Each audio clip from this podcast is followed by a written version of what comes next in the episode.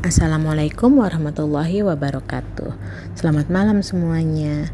Malam ini saya akan berbagi sedikit pengetahuan dan pengalaman pribadi saya tentang manajemen waktu. Kadangkala kita atau saya pribadi suka kecolongan dalam memanfaatkan waktu. Padahal agar waktu yang ada jadi bermanfaat untuk kita dan orang lain, kita hendaknya dapat mengatur waktu dengan baik agar tidak terbuang dengan sia-sia. Tips dari saya yang sedang berbenah diri dalam mengatur waktu adalah yang pertama, dahulukan yang paling utama dari yang utama.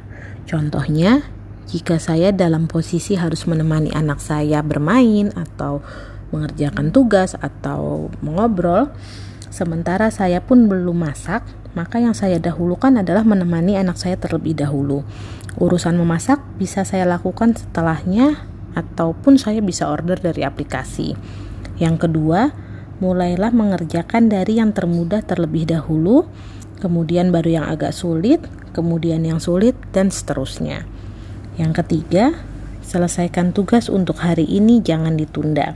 Saat kita menunda, maka akan semakin banyak tugas yang akhirnya kita butuh tenaga ekstra, juga pikiran ekstra untuk menyelesaikannya, dan bisa jadi hasilnya pun tidak maksimal.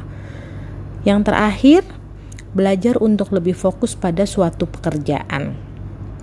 Waktu, umur, dan kemampuan seseorang itu terbatas, sehingga kalau digunakan pada banyak hal pada waktu yang bersamaan, maka hasilnya hanya setengah-setengah. Semakin pandai kita mengelola waktu, semakin berbahagia kita. Semoga sedikit tips dari saya bermanfaat. Akhir kata saya ucapkan terima kasih dan wassalamualaikum warahmatullahi wabarakatuh.